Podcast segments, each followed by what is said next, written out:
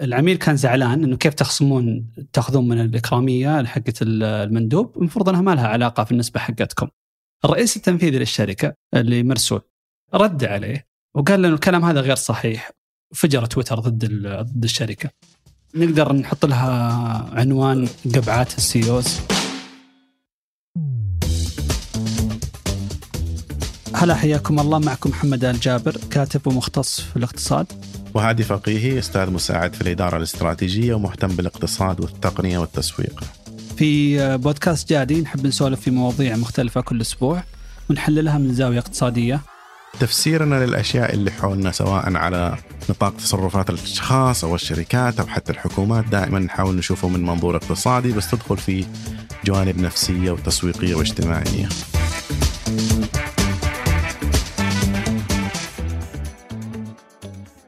هلا هادي حياك الله محمد. حياك الله في أول تسجيل في 2024 إي صح هذا أول تسجيل. إحنا نشرنا حلقة في 2024 بس كنا مسجلينها قبل. أي. وأول حلقة كانت على الطيران ونفس اليوم حق حدث الطيارة اللي في أنا أذكر إنه كنا نجهز الحلقة للنشر وأشوف الأخبار إنه في طيارة في اليابان هبطت وضربت في طيارة ثانية. في طيارة ثانية. وأتوقع ف... نوع نوع نادر من الحوادث ولا طيارتين تتصادم على الأرض؟ المشكلة إنه الحوادث اللي تقريبا في طيارتين تصادمت كثرت في السنوات الماضية فهذه لما صارت كثير من الناس يقولوا إنه قلنا لكم إن تحتاج أنظمة جديدة تتحكم في حركة الطيارات على على المدرج لكن وقتها كان في بالي إنه أوكي الاهتمام بالطيران حيزيد هذا الأسبوع فممكن حتى الخوارزميات تخدمنا لكن بعدين صارت حادثة ثانية. ومن جد الاهتمام مرة زاد اللي هي الحادثة اللي كانت طيران ألاسكا و... آه اي آه. هذاك الباب. المفروض حتى إنه هو باب حقيقي بس إنه غير مستخدم. أنت لو تجلس بجنبه كراكب ما تحس إنه كباب اللي هو باب طوارئ. هذا يستخدم أي يستخدم فقط إذا كانت الطيارة تأخذ أكثر من 200 راكب. وفي وسط الجو. آه. فتح. على الأغلب إنه كانت مشكلة من بوينغ لأنه الطيارة هذه صار لها 10 أسابيع بس من يوم ما وصلوها للشركة. طب إيش نوع الطياره؟ تقول لي ماكس. ماكس طبعا. لا لا هي كان من الماكس للأسف الناس اللي توقعت إنه هذه الطيارة خلاص خلصت مشاكلها صلحتوها آه رجعت لكن يبدو إنه إلى الآن المشاكل العميقة اللي في بوينغ طلعت الطيارة هذه وثقافة إنهم ما عاد صاروا يهتموا بالتصميم متواصلة. لكن الشيء اللي يحصل بوينغ على الأقل في هذا الوقت يبدو إنها تعاملت مع ال... إلى الآن تعاملت مع الأزمة بشكل أفضل من الوقت الوقت الماضي. لأنه أول مرة صارت الحادثة الأولى أذكر في 2018 اللي كانت مع ليون إير. أي. هذه الطيارة الإندونيسية بعد الإقلاع مباشرة طاحت في البحر. الرئيس التنفيذي لبوينغ وقتها جاب العيد آه في تصريحاته. يعني أعطى تصريح بعدين اتضح إنه كان مرة مغلوط قال إنه طياراتنا سليمة ما فيها أي مشكلة المشكلة في هذه الشركات اللي ما دربت طياريها طبعا وقتها كان سهل تصدق لأنه الطيارة إندونيسية والإندونيسيين مشهورين بتاريخهم إلى هذاك الوقت كان تاريخ سيء في مسألة السلام في الطيران لدرجة إنه كثير من الشركات الاندونيسيه ما هم مسموح لها تطير لأوروبا. أوه okay عجيب. إي لأنه في هذاك الوقت لأنه ما يتبعوا معايير السلامة. فكل الناس قالوا يعني نصدق ال CEO حق بوينغ الإندونيسيين ما يعرفوا يطيروا. لكن بعدين اتضح بعد ما صارت الحادثة الثانية اللي هي الطيارة الإثيوبية بعدها بخمسة شهور إن أصلا بوينغ ما علمت الناس عن النظام الجديد، ما علمت الطيارات شركات الطيران ولا علموا الطيارين، فالناس رجعت لل CEO وقالت إيش التدريب اللي كنت تتكلم عنه؟ أنت ما قلت للناس إنه في هذا ال system أي وين التدريب؟ أي فهذا الكلام آه يعني بعدها بشهور اضطرت الشركة إنها أو المجلس الاداره إنه يطرد ال CEO ويبدله بس واحدة منها إنه تواصله السيء جدا في إدارته للأزمة. م. ما انكشف وقتها بس بعدين صار. وهذا يقودنا لامثله كثير طبعا خارج إطار الطيران في كيف التواصل من خلال الرئيس التنفيذي. التنفيذي تعاملهم مع الأزمات خصوصا الآن يعني كل واحد على تويتر وسهل جدا تتعامل مع العملاء وما إليه. نقدر نحط لها عنوان قبعات السيوز؟ قبعات القبعات التنفيذية والعياده التنفيذية يمكن. نفس في فترة مقاربة يعني في شركتين سعودية ناشئة. حجمها يعني كبير ما أقدر أسميها مرة ناشئة. لكن المدراء التنفيذيين طاحوا في مشكلة عن طريق تويتر. أوكي. منفصله ما لها علاقة في بعض. في واحدة أذكر أساميها ما أدري إني بفتح الجراحه شوي بس إحنا ما نحب نغطي يعني الأسماء ونخليها أيوة مو حوادث مشهورة يعني. حوادث مشهورة. الأولى كانت رئيس تنفيذي وكو فاوندر يعني برضو مؤسس لمرسول. فالتغريدة اللي اللي اشتهرت لاحد المناديب عندهم إنه كان مرسل العميل يبغى يعطيه آه، تب أو كرامية. وقال له إنه لا تعطيني عن طريق التطبيق لأنه التطبيق يخصمها مني. فالعميل كان زعلان إنه كيف تخصمون تأخذون من الاكراميه حقت المندوب؟ المفروض إنها ما لها علاقة في النسبة حقتكم. وفجر تويتر ضد ضد الشركة. طبعا قد يكون في احتقان لأشياء ثانية لكن هذا تحديدا الموضوع اللي خلى الناس تأخذ موقف ضده. الرئيس التنفيذي للشركة رد عليه وقال له الكلام هذا غير صحيح. طبعا أسلوبه كان شوي عنيف وحتى هو مسح واعتذر عن التغريدة هذيك إنه كان في تهديد وراح أجبرك تعتذر عن هذه التغريدة. مع إنه شرح فنيا وش اللي كان موجود إنه والله إحنا ما نأخذ أي نسبة من الإكرامية. اللهم إنه إذا كان المندوب له رصيد بالسالب يعني في مبالغ مستحقة للتطبيق مثلا أستلم شيء كاش ولا سدد نسبة التطبيق فيخصم أوتوماتيك من محفظته الرسوم المستحقة وليس نسبة من الإكرامية هذه. آه، ولكن في هذه المرحلة بعد ما الناس أصلا يعني زعلوا منا وشافوا التغريدة أسلوبها هجومي ما عاد صاروا الناس يشوفون الحقائق. جالسين يشوفون إنه والله رئيس شركة تنفيذية آه عفوا رئيس شركة تنفيذي جالس يأخذ موقف ضد مندوب يعني دخله بسيط وكذا ف آه، شافوها بطريقة يعني قوي ضد شخص ضعيف وخلاص خسر النقاش. من هنا ما يهم معك حق ما معك حق. انتهى الموضوع فالناس آه، ممكن شافتها إنها خلوها فزع لهذا الضعيف. ضد نعم. شركه أيه. يعتقدوا إنها هي المستغل وبرضو طبع يعني إحنا ما نحب نشوف أحد يستقوي على أحد ثاني بس لو كانت التغريدة نفس المحتوى ممكن بلغة ثانية جت من الحساب حق الشركة نفسه مو من حساب السي أو إيه. تعتقد كان في نفس ردة الفعل لأنه أعتقد لما الناس شافت شخص معين تقدر نعم. تلومه وتطارده. إيه. إحنا ما إحنا متعودين بعد إن السي أو والرئيس التنفيذي يأخذ آه، يعني زمام التواصل والمبادرة. وهذه كثير من التعليقات اللي كانت موجودة. يعني ما جاء فقط تحديدا إنه والله أنت قلت شيء غلط يا فلان صحح. لا. تعدى إلى موضوع إنه أصلا ليش تتكلم؟ ليش تظهر؟ المفروض ان تعين قسم للعلاقات العامة PR هم اللي يتواصلون شخص محترف. هذا كان ردة شفتها على أنه أنا أتفق أنه أسلوب التغريدة والرد ما كان جيد ابدا خاصة موضوع التهديد. أه وإن كان الشركة يعني لو بينت فعلا الحقائق يمكن الناس تفهم أنه لا معها حق يعني ما اخذوا نسبة وهذه السياسة الصحيحه لكن الهجوم أنه ليش تتكلم؟ أنا ضده. لا أنا برأيي CEO المفروض إنه يتكلم. قضية إني والله في في حل آه، آه، ساحر آه، إني أجيب شخص PR وجميع مشاكل التواصل راح تختفي غير صحيح. يعني أفضل شيء يسوي قسم ال PR إنه ما يسوي شيء عشان ما يسبب أي مشاكل. اي اليوم اللي ما يحتاجوا يتكلموا فيه بالنسبة لهم أفضل يوم. بالضبط. فهو الشيء الوحيد إنه راح ياخذ عدم فعل وقد الناس يشوفون إنه طيب okay هذا شيء ناجح إنه والله ما عاد ما عاد شفنا مشاكل من الشركة. أسوأ شيء مو هو إنك تجيب العيد، أسوأ شيء إن الناس تتجاهلك ما تعرف إنك موجود أصلا. خصوصا الآن آه، صح إنه في أمثلة سيئة جدا على رؤساء تنفيذيين يعني فعليا أضروا بشركتهم وأضروا بالمستثمرين وحتى الموظفين من خلال تصريحاتهم. هذا موجود طبعا. أي هذا موجود ومو معناه إنه روح أنت كشخص تنفيذي افتح تويتر وتحاول تصير زي إيلون ماسك. لكن أيضا الآن الشركات يعني إحنا في الاقتصاد اللي نعيش فيه الآن وطريقه الناس اللي تستثمر فيها إنه جزء من من قيمة أي شركة يتمثل في شخصية الرئيس التنفيذي والطريقة اللي حيعرض فيها المنتج وحيعرض فيها الشركة والارتباط اللي يصير بينهم. ما في غنى عن إنك تكون شخص موجود متفاعل. وتجيب العيد أحيانا بس على الأقل إنه الناس مستعدة تنظر لك تلتفت لك. طب نشوف وش ال... لأنه لأنه في ترى يعني في طاعات آه كانت آه يعني عميقة جدا لدرجة إنه بعضها خسر الشركة أو أو أدى إلى فصل السي أو من الأمثلة في مثال كلاسيكي طبعا مثال يدرس اي اللي سولت لي عنه أي إيه. في مثال كلاسيكي أتوقع أي طالب يدرس آه، مادة تتعلق بالاتصال والاتصال المؤسسي حيعرفه آه، في كان في شركة اسمها للمجوهرات بس مجوهرات رخيصة يعني أي. اسمها راتنرز هذه اللي, يبيعون زي الإكسسوارات في الصيدليات أو شيء بمبلغ آه، لو كان عندهم محلاتهم الخاصة أي. يعني الآن أي محل مثلا تدخل على اللي هي زي مثلا سيتي ماكس وهذه يكون عندهم قسم خاص فيهم. إكسسوارات أغلب أيوه مجوهرات. إكسسوارات. ممكن ما نقول. إنها مجوهرات. إيه. مجوهرات تصميم بدائل. يعني شكلها زي المجوهرات لكنها. أيوه. هم طبعا فعليا غيروا السوق وهذا الشخص اللي هو كان الرئيس التنفيذي اسمه جيرارد راتنر أصلا من من العائلة. من العائلة هو اللي فعلا أخذ الشركة من مجرد إنها محلات بسيطة وحولها إلى شركة كبيرة. مم. بأنه جاب طريقة إنه كل الناس في المجوهرات وهذه يركزوا على الجودة مم. أنا ما حركز على الجودة أنا حركز على السعر فدائما المحلات عندهم الشيء الجديد كان آه، نسبة 70% أو 80% خصم مم. شغل شغال على الخصومات وفي ناس كثير أوكي مو كل الأشياء اللي تشتريها تبغى تلبسها يعني تكون فارهة في أشياء الاستهلاك اليومي.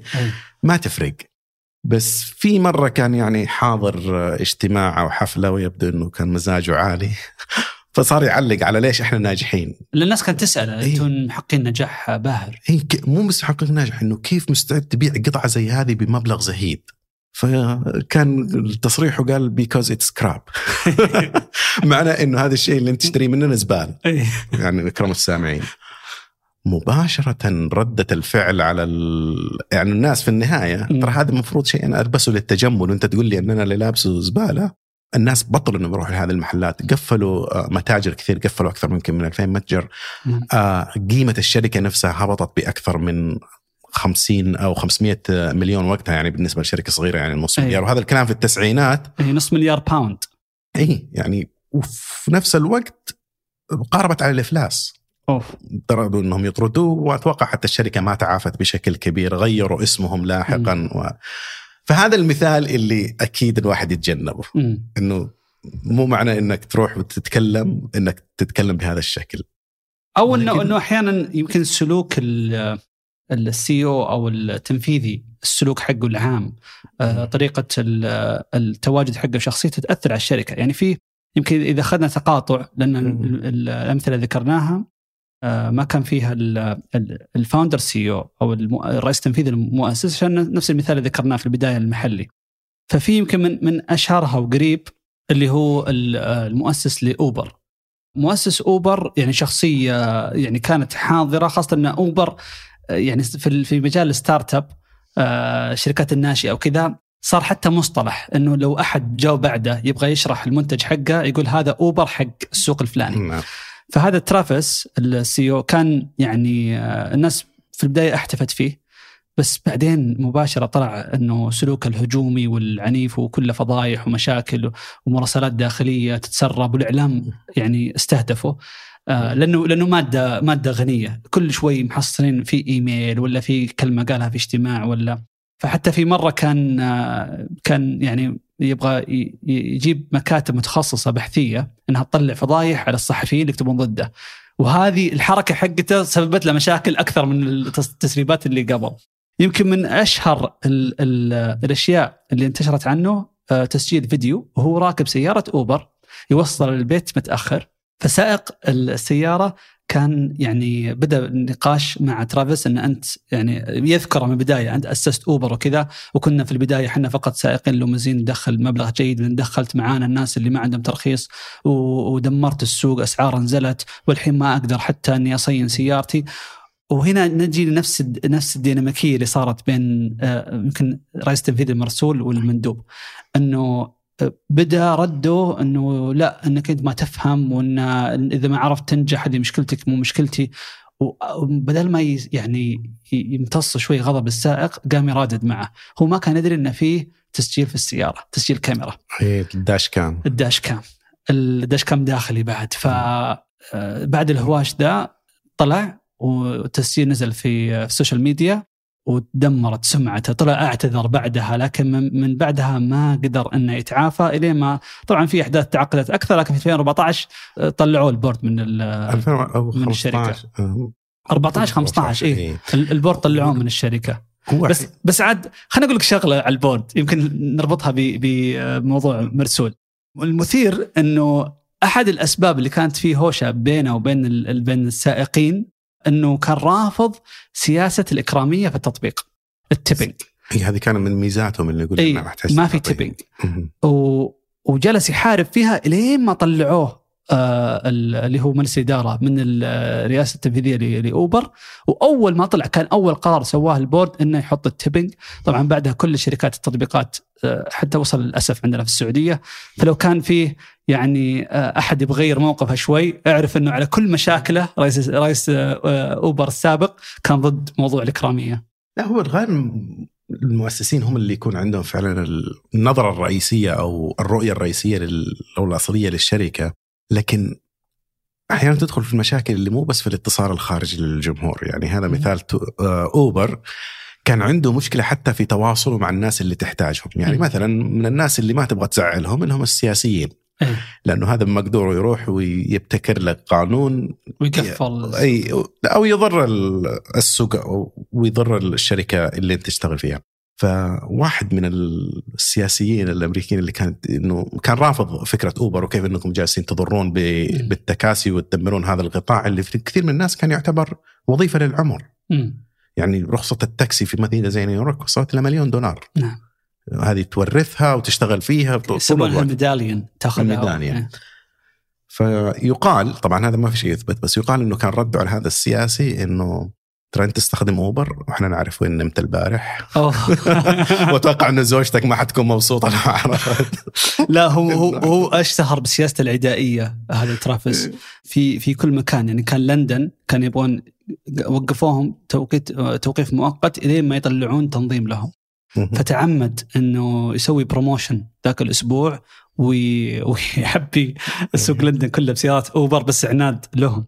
لكن هل لو ما كان يعني بهالشخصية قدرنا طبعا بغض النظر أن الشركة لاحقا آه، تضخ... صار في تضخم في تقييمها وفي مشاكل لاحقا في في التسعير ترى هذه كلها بعد قيادته لكن حتى لو لو آه، لو ما كان آه، سلوكه بهالشكل هل تتوقع راح توصل أوبر بهالحجم؟ لا ما أعتقد لأن الآن لما نتكلم عن الشخصية وهذا في جزء كبير في علم الإدارة بيحاول يفهم شخصيات ال- القياديين والتنفيذيين وش هي الشخصيات اللي تتنبأ بالنجاح. وواحدة منها إنه عدم الاتفاق، يعني إحنا في من الخصال الخمس لأي لأي شخص إنه يقول لك الشخصية عب- عبارة عن خمسة خصال ما أبغى أدخل في علم النفس هنا بس واحدة منها إنه هل أنت شخص تتفق مع الآخرين بسهولة أو دائما معارض؟ من الصفات اللي تتنبأ بالنجاح خصوصا في المجال اللي يكون فيه ريادة أعمال إنك تكون من الأشخاص اللي دائما يخالف. وهذه القبعات تجي بسبب إن غالبا الإعلاميين خصوصا لما يكون إعلامي ذكي يقدر يستفزك إيه. ويطلع منك تصريح وأحيانا يكون يطلع من شخص فعليا كرئيس تنفيذي هو ممتاز جدا في مكانه. وحتى المجلس ما يبغى يضحي في مجلس الإدارة لأنه هذا يعرف كيف يشغل ال business. خليني أعطيك مثال آه، رئيس التنفيذي لفوكس واجن. طبعا فوكس واجن في. ممكن نعطي عنها خلفية شويتين اللي هي صارت لها مشكلة آه، إنهم يغشون في اختبارات الانبعاثات. في في كل الدول تقريبا بس أكثرها في أمريكا وفي أوروبا في مسموح لك بكمية انبعاثات معينة في السيارة عشان تقول ان هذه السيارة تتوافق مع المواصفات البيئية. أي.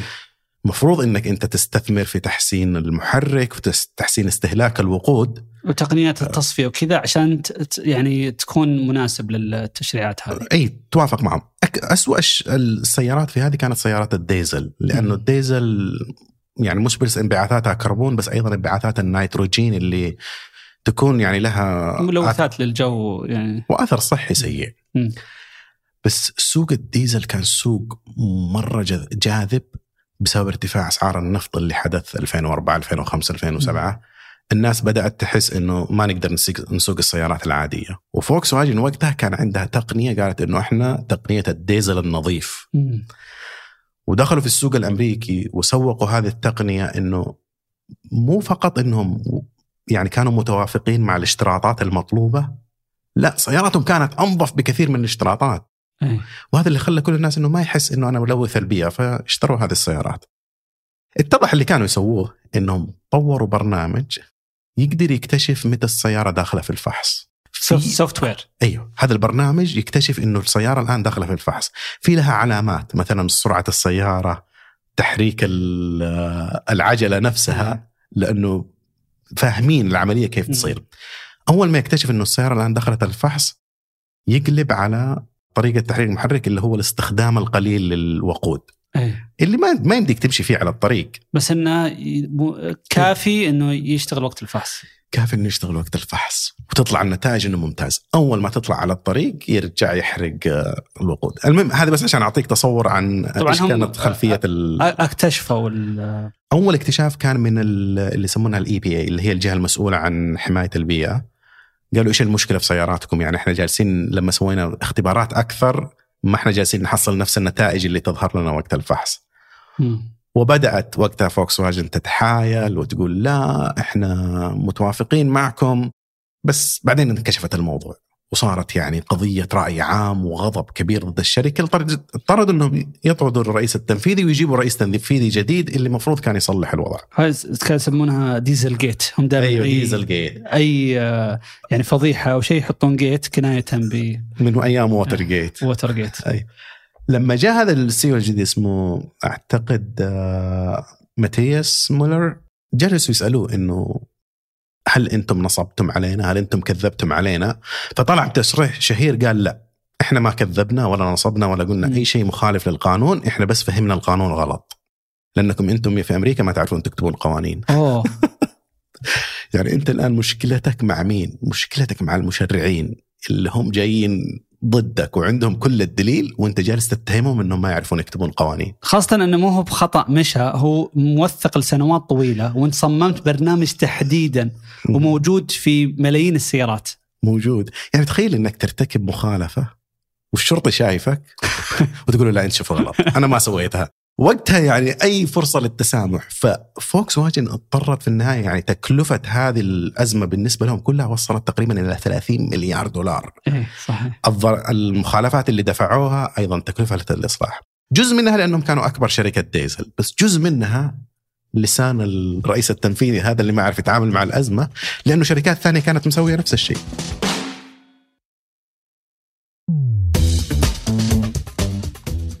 موضوع نفس الإشكالية هذه الخلاف. على مكان الديزل اكتشفوه بعد ما اكتشفوا فضيحة فوكس فاجن موجود عند هونداي وجيب وري- ورينو وفيات وفولفو كل الشركات يعني كل شركات الديزل. بس كل الناس إلى اليوم ترى يحسبونها فقط فوكس فاجن إي. هم اللي يعني سببوا المشكلة بسبب إنهم في الواجهة بسبب إنه برضه ضحوا فيهم إنه أكبر شركة لكن تعاملهم كان آه، تواصليا جدا جدا آه، لا سيء. لما تصير أي فضيحة يعني هذا ال- الاتجاه العقل البشري إنه أسهل شيء إنك تحطها في شخص معين. وللأسف يعني إدارة فوكس واجن اتضحوا في النهاية إنهم الأشخاص اللي ما هي المهمة مثلا لما صارت مشكلة لتويوتا. ومن خلال الحوادث وإنه سيارتهم كانت كان في مشكلة في ال airbags؟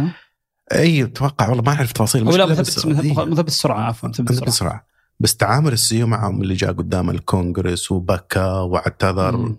كان فعلا اعتذار على الأقل تصدق فيه.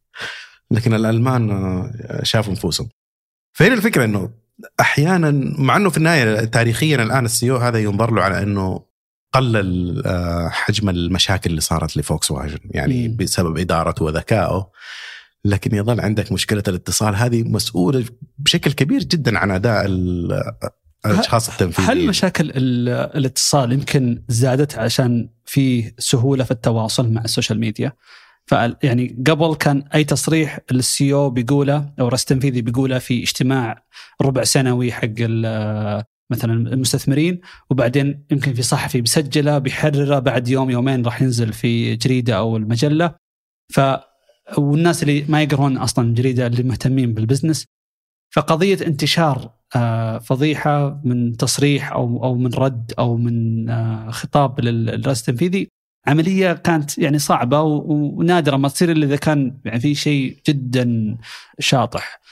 بس الآن الرئيس التنفيذي له حساب موثق باسمه ويكتب فيه. يمكن يحط فيه حتى حياته الشخصية واحيانا يكتب فيه في ال business. إي. ففي خلط شوي الناس تشوفه. فهذا اللي اللي يدفع ال- البعض إنه يقول لا خل أي تواصل عن طريق الحساب الرسمي أنت كرئيس تنفيذي لا تتكلم. وفي بعضهم حتى يقول إنه آه، جيب شخص محترف PR مع أنا ما أؤمن ان هذا الشيء موجود أصلا.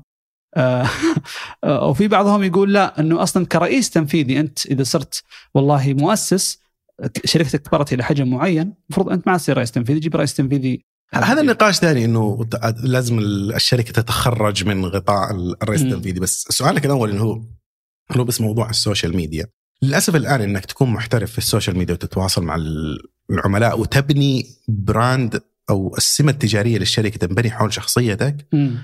هذه صارت مهمة أساسية لأي رئيس تنفيذي خصوصا في المنتجات اللي معتمدة بشكل كبير على المستهلكين مم. ممكن المنتجات اللي تكون أنت عملائك شركات ما هم أشخاص يختلف الموضوع خلينا ناخذ المثال على الشيء اللي صار مع شركة OpenAI اللي مسؤولة عن ChatGPT اي أنا كتبت عنه وناس آه، غريب إن أعجبتهم لا كان في اهتمام جدا إيه. إنه هذه الشركة اللي مفروض آه، مستقبلهم باهر وكل شيء فجأة يطردون ال CEO بس جزء كبير من التحالف الناس اللي صار اللي هو شخصية سام ألتمان على تويتر ما أدري إذا إيه. تتابعه ولا بس لما تتابعه إيه.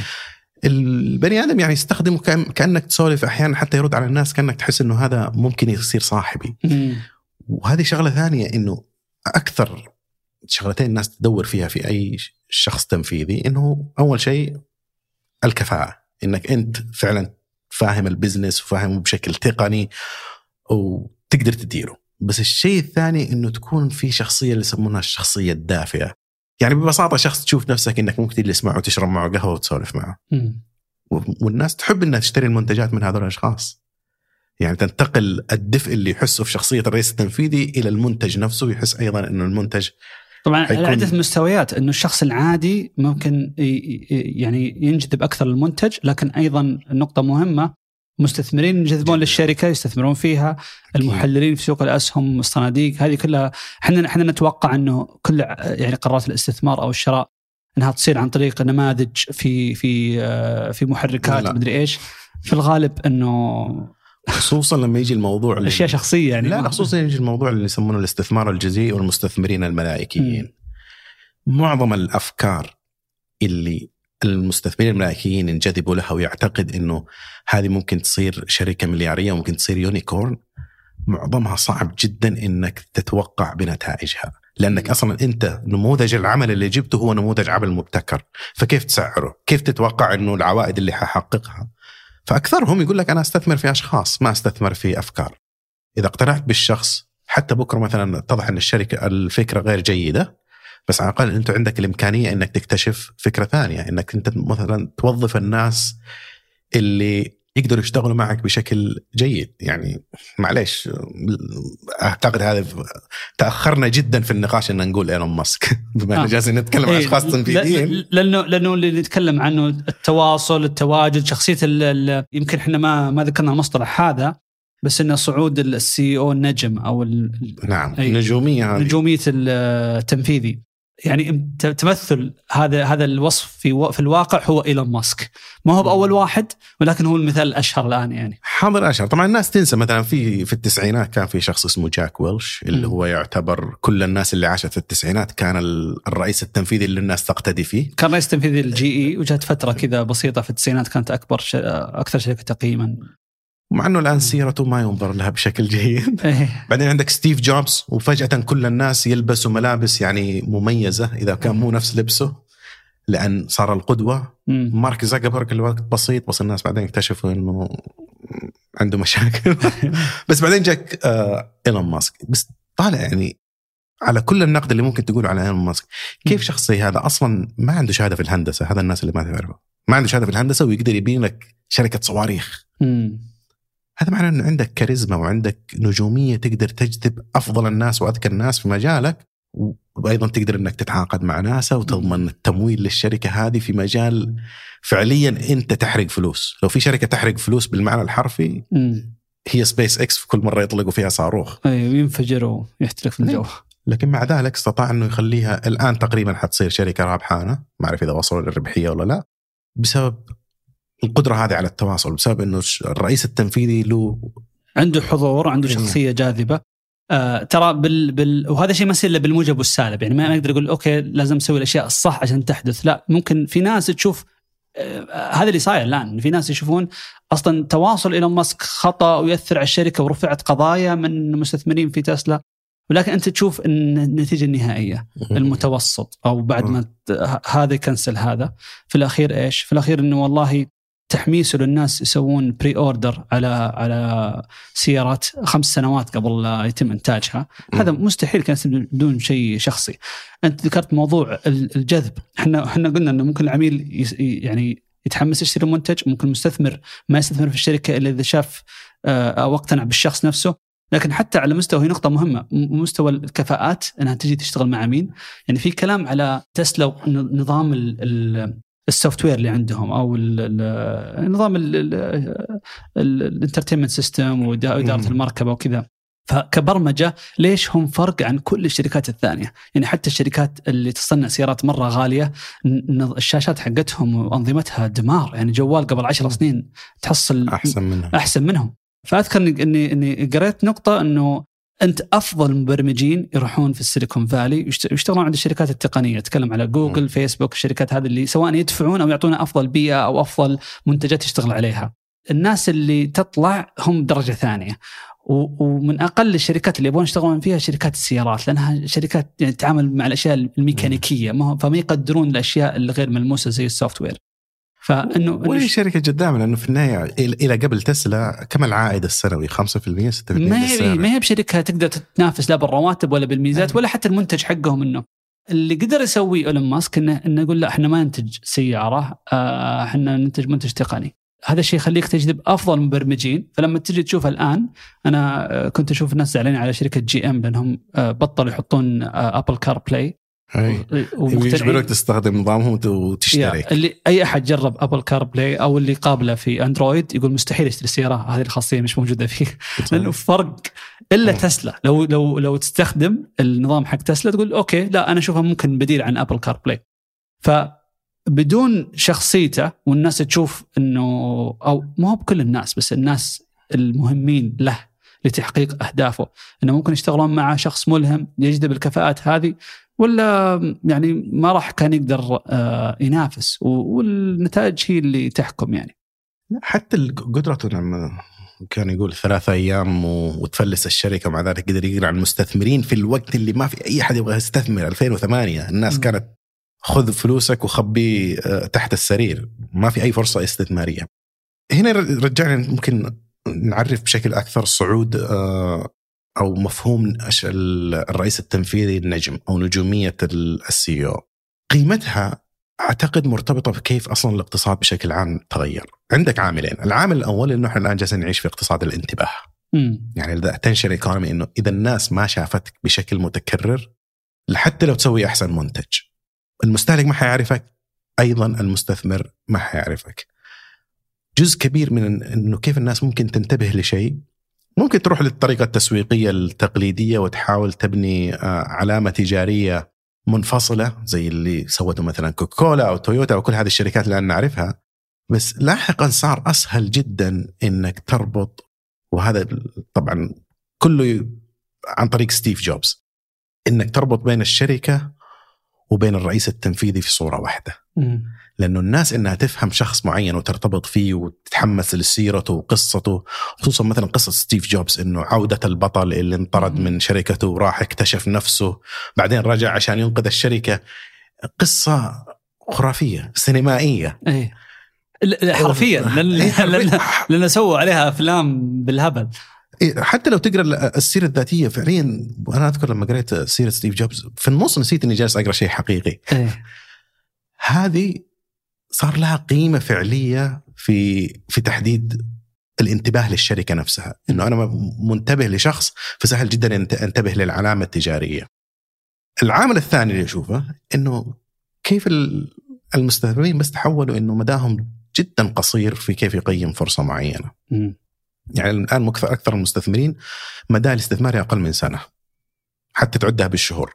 اوه طيب إذا أنا أبغى أستثمر على أقل من سنة إيش اقرب أقرب شيء ممكن يقنعني بالشركة؟ ما حيكون منتجاتها خصوصا إذا كانت في البداية ومو واضح هل ممكن تنجح لأن ما في معلومات كافية نتكلم على شيء وفي فقط عدم ثقة مثلا إنه أنت تطور ذكاء اصطناعي شو أصلا الذكاء الاصطناعي؟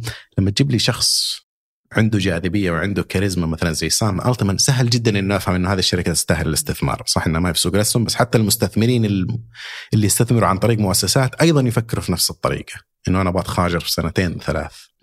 آه في هذه الناحيه. فهذه العاملين إنه نعيش في اقتصاد انتباه وأيضا إنه نعيش في اقتصاد صار المستثمرين فقط يركزوا على سنة إلى سنتين تخلي فيه أهمية كبيرة جدا إنه يكون عندك رئيس تنفيذي بشخصية يعني زي ما تقول شوية لماعة حتى على ال social media. برضو في في قضية إنه أنت إحنا ذكرنا موضوع العملاء المستثمرين الموظفين وحتى المشرعين. يا أخي في قصة وارن بافيت. okay. كان مستثمر في في بنك استثماري investment bank آه وصار له فضيحة في بداية التسعينات. انهم كانوا يتلاعبون بال بال بشيء بالتداول. هو treasury bonds بس إن إحنا نبسط شيء في التداول. فال فال فالبنك يعني آه، استثماري وقع في في المخالفة هذه وفعلا صار في تحقيق والموضوع وصل إلى الكونغرس وإنه يعني يبغون يمكن يقفلون الشركة. فوارن بافيت كان مستثمر فيه وواحدة من شركات كثيرة عنده بس إنه كان في البورد. فراح قدام الكونغرس واعتذر وجلس خذ مسؤولية كاملة وأعطاهم وعود إنه راح آه، يفصل الناس اللي كان لهم مسؤولين عن المخالفة هذه وإنه راح يصلح جميع الإجراءات اللي خلت الشيء ذا موجود مع إنه مو تنفيذي هو فقط مستثمر. ولكن سمعته إنه مستثمر ومعروف وله يعني احترامه خلى المشرعين يعطونا فرصة ثانية بدل ما يقفلون الشركة اللي فيها حدود 8000 موظف. ف حتى يعني تو إحنا نشوف مثلا إيلون ماسك يروح إلى دول الحين يستقبلون رئيس الدولة يستقبله. ما أتوقع إنه بسهولة ما هو بس على أي مبلغ أو أو أي قيمة استثمار آه ان تفتح لك هالأبواب أو هالفرص أو أو يصيروا مرنين في هالتشريعات آه بهالطريقة. إحنا شفنا يوم صارت مشكلة كورونا وقفلوا المصنع آه تبعه في كاليفورنيا. روح لتكساس. ال governor كان يقول ليش ما ليش ما تنقل باقي مصانعك عندنا في في تكساس وجاء ال governor حق كاليفورنيا وكان في أخذ وعطاء على الموضوع. لو تشوفها كمصنع اللي في كاليفورنيا كعدد وظائف أو قيمة استثمار في مصانع كثيرة أو استثمارات أكبر منه. ولكن قيمته المعنوية إنه هذا الشخص موجود في الولاية هذه بالنسبة لهم كبيرة. انت تقول لي على رؤساء الدول تخيل انك أنت رئيس دو دولة وتتصور مع إيلون ماسك والناس يسألوا مين هذا اللي بجنب إيلون ماسك يعني. بس بس حلو. لكن عشان ما تصير النقاش كله عنه بعد ما نفهم يعني أنا مقتنع جدا إنه وجود وحضور أي رئيس تنفيذي على الشبكات الاجتماعية حتى لو إنه زي ما قلنا في البداية يجيب العيد ويجيب القبعات هذه مهم جدا في خلق قيمة للمستثمرين. لكن الآن لو أحاول أفكر مين عندنا؟ مع إنه عندنا كل هذه الشركات اللي جالسة تطلع الآن وعندنا كل ستارت ابس ومستثمرين. لكن إلا إذا كان مجال أنا فعليا أعرفه صعب جدا عندي إني أسمي آه، رئيس تنفيذي بعينه. فما تحس الرؤساء التنفيذيين عندنا ممكن مستحين شويتين؟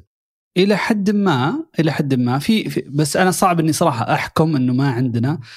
من لأن يمكن أنا أعرف أسماء واجد بس في نفس الوقت أنا أتابع يمكن سوق الأسهم أو أو الشركات أو الاستثمار أكثر من الشخص المتوسط.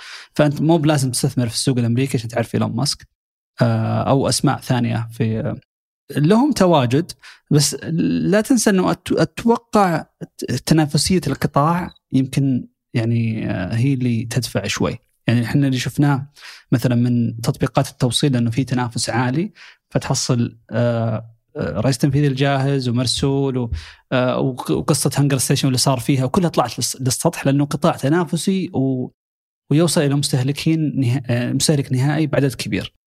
أيضا في القصة الثانية اللي بعدها بعد سالفه مرسول بفترة قصيرة اللي هو المتجر online Nice 1 آه إي فنفس الشيء طاح في إشكالية. آه آه وكان الإشكالية فعليا على موضوع أسلوب التهديد اللي اللي مزعج الناس لأنه خاصة في شركات واجد تستغل قضية إنه تشويه سمعة أو شيء على على أي شكوى تجيهم في في العام يسكتون الناس ما يتكلمون عليهم. مع إنه اللي كان يرد عليه يعني أتفهم لأنه كان اتهام إنه المنتج تقليد مو هو بأصلي. إيه، تخيل يعني وخصوصا إنك أنت تفهم منتجك وممكن إنك حطيت فيه جهد وعرق وتعب فسهل جدا إنك تنفعل والمشاعر تسيطر خاصة أني معين. أتوقع إنه جاء الجرح لأنه وأنا جالس أبحث عن المتجر ما قد تعاملت معه صراحة ولا أعرف ال SEO لكن لما كتبت متجر آه Nice 1 في آه في جوجل أول suggested أو البحث المقترح Nice 1 أصلي. فالناس تسأل هل هو أصلي ولا لا وتجربة Nice 1 ومدري كيف. فأكيد إنه بالنسبة لهم مشكلة. إنه أنا عندي متجر ويبيع منتج آه، أصلي وهذا أنافس في سوق تخوف من النقطة هذه ويجيني اتهام هو فعليا ما هو بشكوى مو بأنه شريت منتج ما كان جيد ولا التوصيل تأخر ولا تعاملكم موقعكم مو ما كان شكوى عادية. في نفس الوقت الناس ما تحب أسلوب التهديد اني أنا برفع قضية وكذا مع العملاء لأنه يستغل بشكل سلبي كثير. ممكن مرر ال tweet على الشؤون القانونية مو على ال PR. أي. على الأساس تاكد إنك ما تجيب العيد. بس الآن لما نحاول يعني خصوصا الآن في جهد كبير إن نجذب مستثمرين والشركات اللي تدخل في السوق مفروض انه يكون عندك مستثمر أجنبي. إذا كان التركيز على السوق أو المستثمرين اللي ممكن أكثرهم من أمريكا هنا لازم نخرج من هذا ممكن ثقافتنا شويتين إنه عيب تتفاخر خليك متواضع اشكر الناس اللي حولك وكلها خصال جيدة. لكن أيضا إذا تبغى تتعامل مع مستثمر أجنبي حيحبوا إنه يكون في شخص معين يقول لك أنا. ويكون يعني زي ما يقول لك يطق صدره ويكون في الصورة. ويكون في الصورة ويتفاخر إنه أنا أتحمل المنتج أيضا يتحمل المسؤولية.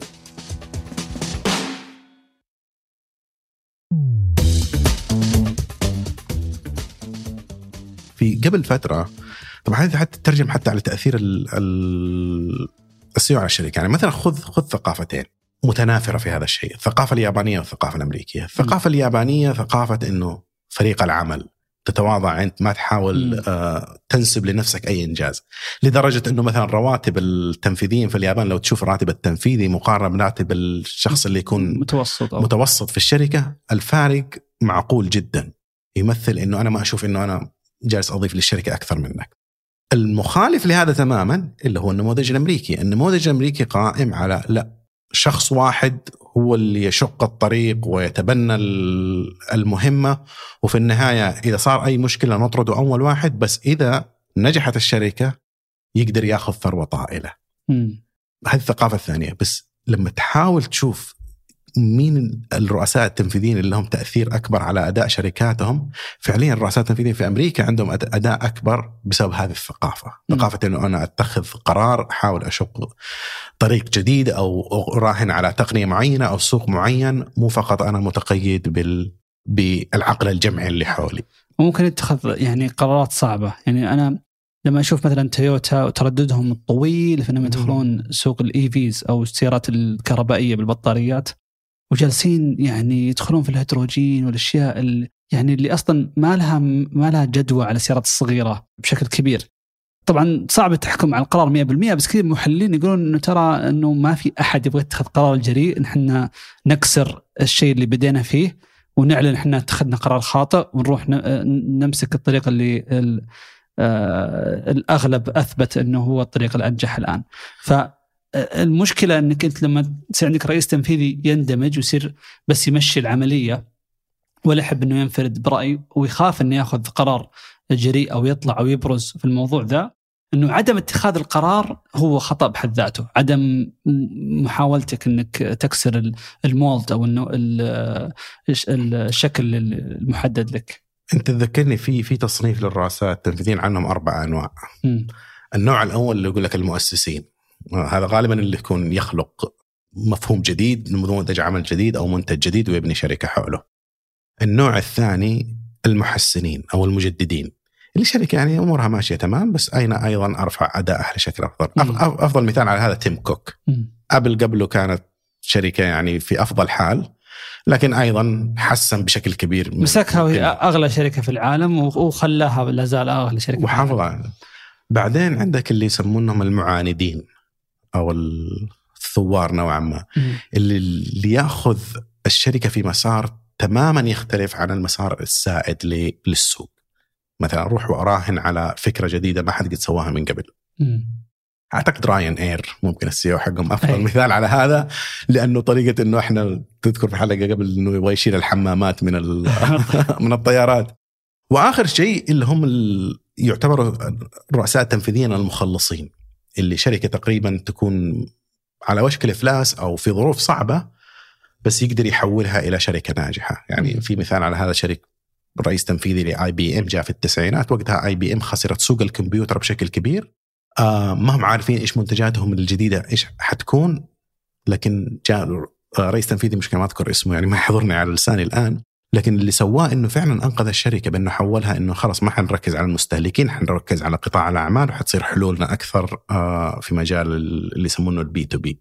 ما أدري يعني إحنا ممكن أحس عندنا بشكل كبير تركيز على المحسن والمنقذ بس في جدوى كبيرة إنه ال CEO اللي يبني آه، فكرته على إنه أنا المعاند أو إنه أنا أكون المبتكر اللي يجيب أفكار جديد وهذا اللي تحصله أكثر في النموذج الأمريكي. أي طب هل هي قضية إن موضوع آه، الرئيس التنفيذي المؤسس يعني مقابل الرئيس التنفيذي الاحترافي اللي يتم توظيفه عشان يكبر الشركة؟ لأنه ترى فكرة منتشرة إنه خلاص أنت مؤسس نجحت في تأسيس الشركة مو لازم تصير رئيس تنفيذي خل غيرك يكمل. وفي قناعة إنه آه يعني الشخص اللي عنده سي في جيد بيعرف يقوم بأداء أفضل منك أنت اللي أسست من الصفر لأنه حجم كبر عليك. مو هو فقط رأيي أنا أني أنا بكون طبعا مع أنا مقتنع بأنه لا الأشخاص يحدثون فرق. المؤسس هو غالبا ما هو دائما بس هو بالنسبة أكبر هو القائد الأفضل للمنشأة. ودائما لما يصير المؤسس وهو المالك وهو له نسبة العليا في الشركة مربوط يعني أهدافه بأهداف المستثمرين. وهذا أفضل ضمان للأداء ممكن يخطئ يمكن يتخذ قرارات خاطئة ولكن ليس بسبب تقصير في الجهد أو إنه والله عنده أهداف مخالفة للمستثمرين متشاركين في نفس الأهداف. المشكلة في ال في ال في الرئيس التنفيذي الاحترافي إنك آه، مربوط أحيانا براتب وحتى هيكلة الحوافز يعني إلى إلى حد ما بتحطها مع بعض ال bonuses أو كذا لكن دائما يحصل طريقة إنه يحصل عليها بغض النظر عن فائدة المستثمرين.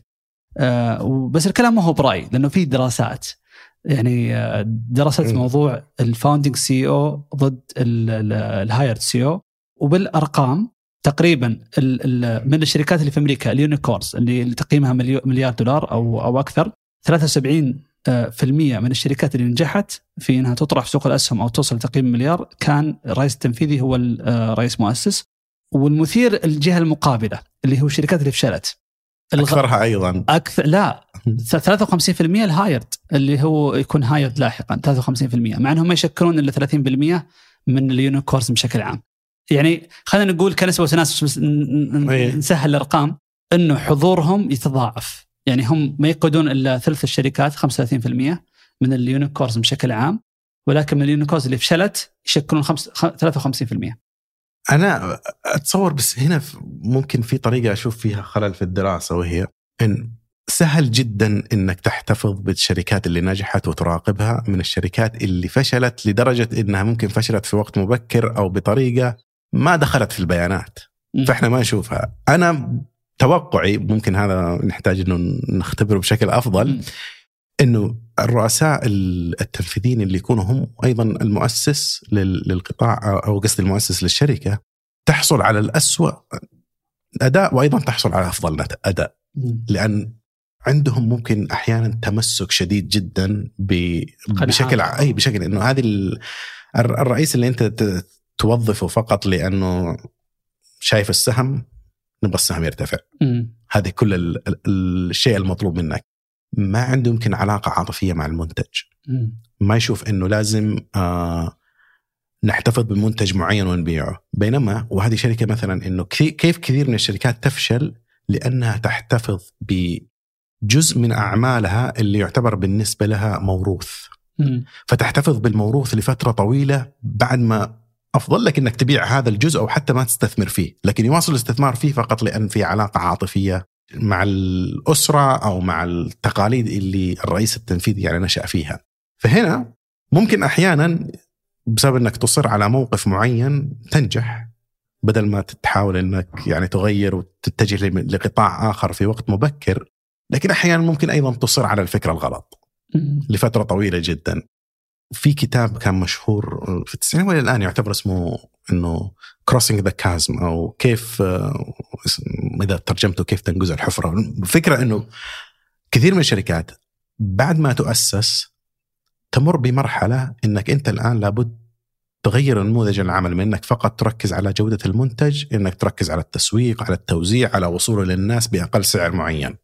عشان تسوي هذه النقلة في طريقة التفكير وفي نموذج العمل تحتاج فعلا شخص يكون عنده كل مهارات البزنس. مو فقط عنده المهارات اللي تتعلق بالمنتج أو ممكن غالبا يكون خلفيته مهندس. لأن كثير من الرؤساء التنفيذيين يكون متمسك بأنه يحسن المنتج لفترة طويلة من غير ما يفكر إنه كيف أقلل سعره كيف أزيد توزيعه كيف أسوقه بشكل أكبر. فيكون عندك منتج جيد جدا ممتاز أحسن من اللي السوق بس ما حد يعرفه. بس هو هذا. الفرق بين المؤسس الجيد والسيء.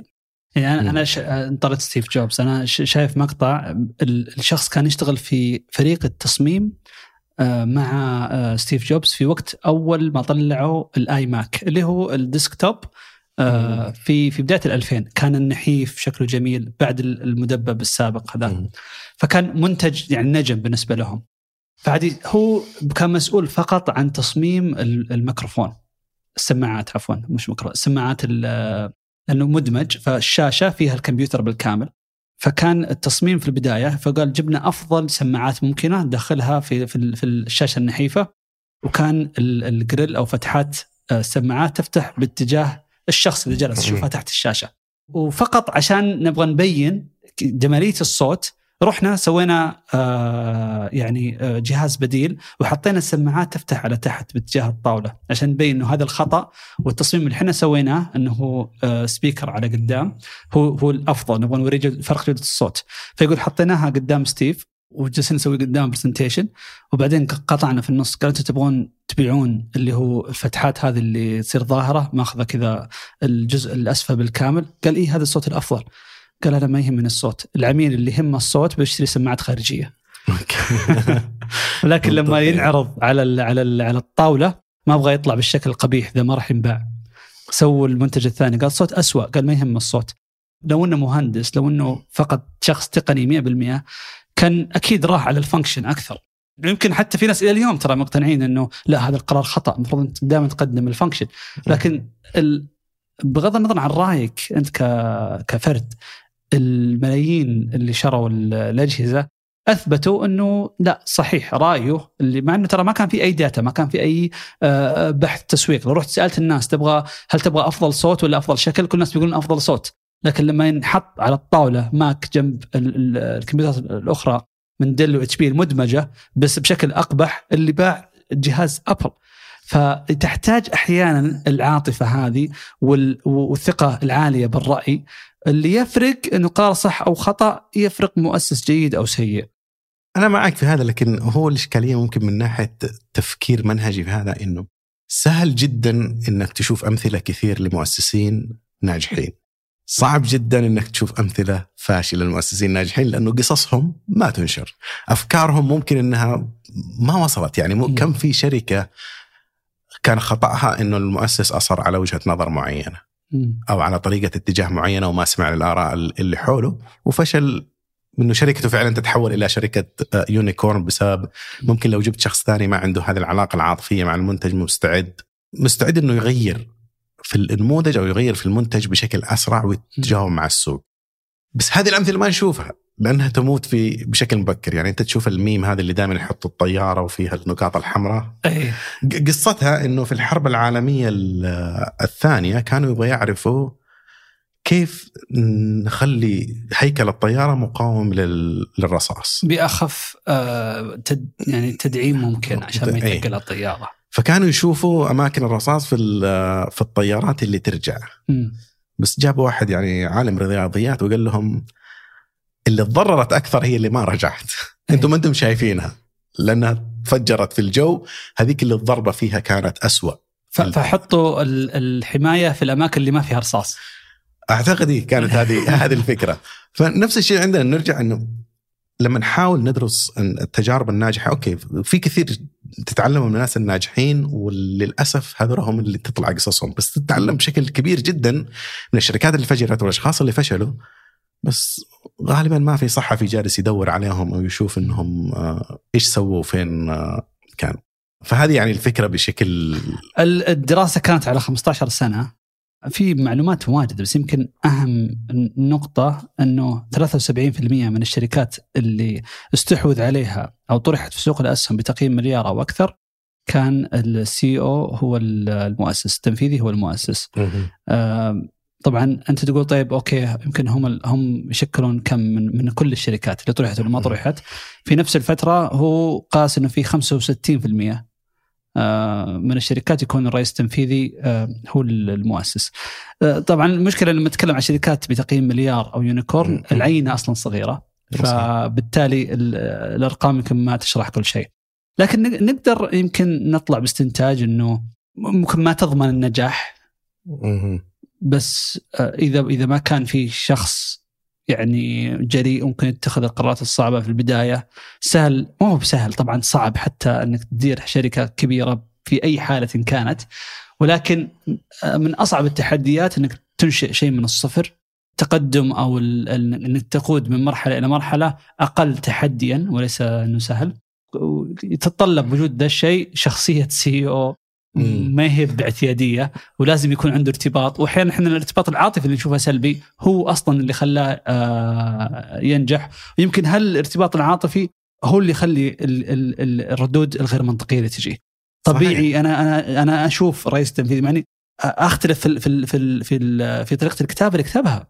ولكن لما أنت تشوف الشركة اللي تعبت عليها وانت ومن البداية وتتهم الاتهام ردك بيكون يعني عاطفي غالبا. ويمكن إحنا ما نعطي مساحة شوي آه انه إنه نتفهم آه هالنقطة آه والعكس أنا أشوف إنه تواجد الآن ال- الرؤساء التنفيذيين في تويتر يمكن ثقافة جديدة علينا شوي زي ما قلت والتجارب هذه بتعطي زي ما تقول كذا مكتبة. للردود والأمثلة، إحنا ذكرنا أمثلة كثيرة بس صعب نحصل أمثلة محلية لأنها ما قليلة ما توجد. قليلا انه عندنا لسه في ثقافة ال... إنه لا تتفاخر هذا اللي تكلمت عنه ولا أعتقد إن الناس تحتاج ممكن شوية تتخلص منها ويصير حتى الناس اللي محيطين فيك يحاولوا يعرفوا مع إنه حيكون صعب جدا إنك تعرضها بشكل تلقائي وبشكل عفوي الناس تصدق فيه. بس على الأقل تعرف إنه كيف نبني صورتك. ونحولك إلى منتج من منتجات الشركة. يعني السي أو أيضا واحد ممكن مو من منتجاتها ولكن من أصولها. إذا تكلمني عن موضوع ال... إنه دخول العاطفة في الموضوع بالعكس أنا أشوف إنه رئيس تنفيذي مكروه يمكن أحسن من رئيس تنفيذي غير معروف. صح. يعني في في نهاية هذا النقاش لأن في عائد على إن ممكن المنتج نفسه مجرد الانتباه لهذا المنتج خصوصا في المنتجات اللي الناس يا أخي ما يفرق معك بشكل كبير أخلاقيات أو تاريخ العلامة التجارية لأنه في النهاية بالنسبة لك المنتج هو مجرد أداة لغرض معين. في المنتجات اللي الناس لو استخدمتها وقتها الآن أنت فعليا تمثل قيم الشركة وتمثل أشخاصها. هذه مثلا نشوف المقاطعة اللي الآن اللي مع ستاربكس كل المشاكل صارت بسبب رسالة كتبها رئيسهم التنفيذي قبل آه يعني بشكل أكبر. يعني ستاربكس صح إنه ممكن عندهم تبرعات لإسرائيل زي كذا بس ما هو الشركة الوحيدة إيه لكن صاروا واجهة هذه القضية حسب رئيسهم رئيس المؤسس اي بعد. رئيسهم مؤسس لأنه ارتباطه خلى واحدة من من صفاته الشخصية إنه يكون عنده ارتباط واضح جدا مع آه مع إسرائيل والآن الشركة متأثرة بسببها. فهذه المنتجات ممكن تنظر لكن شركات طيران يعني تشوف الخطوط القطرية يعني أكبر الباكر طلع بتصريحات إلى الليل يعني تروح للتاريخ مثلا في وقت معين قال إنه. آه، الرجال فقط يقدرون يديروا شركات الطيران ما في أي آه. أي كذا في مؤتمر صحفي قال آه، هذه الوظيفة لازم لها رجل لأنه النساء ما يتحملون بعدين رجع اعتذر آه بعدين قام ينكد على شركات الطيران الأمريكية وقال إنه ال- اللي يجين يقدموا لك الخدمة المضيفات أكبر من جدتي. ويتفاخر إنه متوسط العمر عندنا 26 ما يعني ما أعرف إيش الارتباط. لكن مع ذلك الشركة ناجحة. ليش؟ أعتقد فقط إنك تخلي اسمها هناك وهذا دليل على إنك أصلا الناس جالسة. يعني الإعلاميين في النهاية ما حيطارد لك في رئيس تنفيذي ما حتى لو جاب أكبر قبعة في الدنيا ما حد حيهتم لأنه المنتج حقك أصلا ما يهم. إيه إيه مو بحساس ال- مرة. إيه. طيب ال- آه، 737 ماكس هذه. آمنة ولا؟ ما أعتقد يعني المشكلة إنهم استثمروا فيها بشكل كبير ومتورطين معها أنا الحمد لله إنه ما في يعني عندنا في الخليج بس طيران دبي أتوقع اللي مشغلين. إيه بس في طلبات ترى من شركات ال- الشركات السعودية؟ إيه ما أدري إذا وصل شيء منها. بس لا تنسى إنها ترى أنجح نموذج تاريخي. آه، تاريخي. آه. هذا حط على تحتها خطين وترى في في تفسير اقتصادي بعد ليش إنه يعني الخطأ مو بتقني ترى خطأ اقتصادي بحت. أكيد بس يترجم إلى أخطاء تقنية. أكيد كل هو نتيجته بس السبب في البداية ما هو بأنه عدم معرفة أو عدم طب آه، آه، أنا بفتح موضوع ثاني بس تص... يمكن نوقف على cliffhanger okay. اللي هو تصميم ال- المشاكل اللي صارت لل 737 مم. ماكس ليش إنه خطأ اقتصادي ما هو بخطأ تقني؟ أو بسبب أوكي. ف عندك الإجابة الآن ك teaser ولا؟ ناخذ. extra after hour مو مشكلة ممكن السبب إنه نفس نموذج الطيارة شغال من تقريبا 50 سنة وهي 737 الاكثر مبيعا تاريخيا وأكثر نجاحا يعني. آه اللي صار إنهم يبغون يغيرونه لأنه مرة نظام قديم الطيارة الإشكالية إنك إذا رحت وغيرت في الطيارة بقدر جدا كبير تتطلب إن كل الطائرين اللي يحملون رخصة قيادة ال 737 إنه يعاد تدريبهم كأنه طيارة. جديدة. وهذا الشيء ما بيخلي في قابلية لبيعها لشركات الطيران وقبولها. فاللي سووه إنهم أعادوا تصميم الطيارة. بأكثر قدر ممكن بدون ما يتطلب اعاده تدريب. فراحوا باعوها على شركات الطيران إنها طيارة جديدة موفر الوقود فيها أنظمة حديثة ولكن ما غيرنا الأشياء الأساسية فنفس طيارينكم بدون تدريب بدون تكلفة إضافية عليكم. يعني تستقطع من وقتهم وتجيبهم عندنا يتدربون يقدرون يسوقون الطيارة هذه، هذا الشيء. كان غير صحيح. آه كان في نظام لإعادة النظام آلي لإعادة آه وزن آه الطيارة لما تصل للارتفاع المطلوب. الانكاس. الطائرين الطيارين ما كانوا متدربين عليه وهذا الشيء ما كانوا يدروا إنه في الطيارة. ما كانوا يدرون إنه موجود أصلا. أيوه. ف وهذا اللي سبب الحوادث و... وراحوا سحبوا كل ال 737 في العالم ورجعوا طلع إنه التوفير ذاك ما كان يسوى. فهو كان قر- قرار business decision يعني ما كان ابدا إنه والله مهندسين بوينغ ما عرفوا يسوون النظام بشكل صحيح ولكن كان قرار ال business حقهم إنه سووا طيارة أو أو حدثوا في نظام الطيارة بدون ما تكلفون الشركات هالتكلفة عشان نقدر نبيع بشكل جيد كان قرار خاطئ. هذا المختصر ال- آه، القصة. لا هي القصة حتى نتفلكس documentary عليها يشرح لك الأشياء اللي تغيرت إنه كيف الاندماج اللي صار في التسعينات غير مم. ثقافة الشركة و... وأدى يعني لل إنه تقريبا الرئيس التنفيذي ما يشوف المهندسين إلا ما كان أول كل يوم لازم تجتمع مع المهندسين بعدين صار كل علاقته أكثر مع. في التسعينات. برضو كان في تصريح آه، مثير لل CEO حقهم ذاك الوقت اللي يوم قالوا له أنت قريب تتقاعد قريب عمرك بيوصل 65 قال ما دام انه بترجم شوي. اللي قاله قال ما دام آه، قلبي ينبض والموظفين يعني يحبون من الخوف إذا شافوني فأنا بكون لا, زال أصلح نصير سي أو طبعا هو قالها على أساس إنه يحاول إنه يمزح بس الموظفين أصلا يعني كانت كانت واصله مع آه، معهم منه. فما أخذوها بشكل جيد. هي خصوصا إنه الاندماج وقتها أزعج كثير من الموظفين يعني. خسروا المزايا اللي كان عندهم لأنه كان الهدف منها إنك تقلل التكاليف وتقدر تنافس مع ايرباص اللي وقتها كان طياراتها أحسن وأرخص. طيب آه يعطيك العافية هذه يعطيك العافية. محمد ون... وشكرا لكم للاستماع حياك.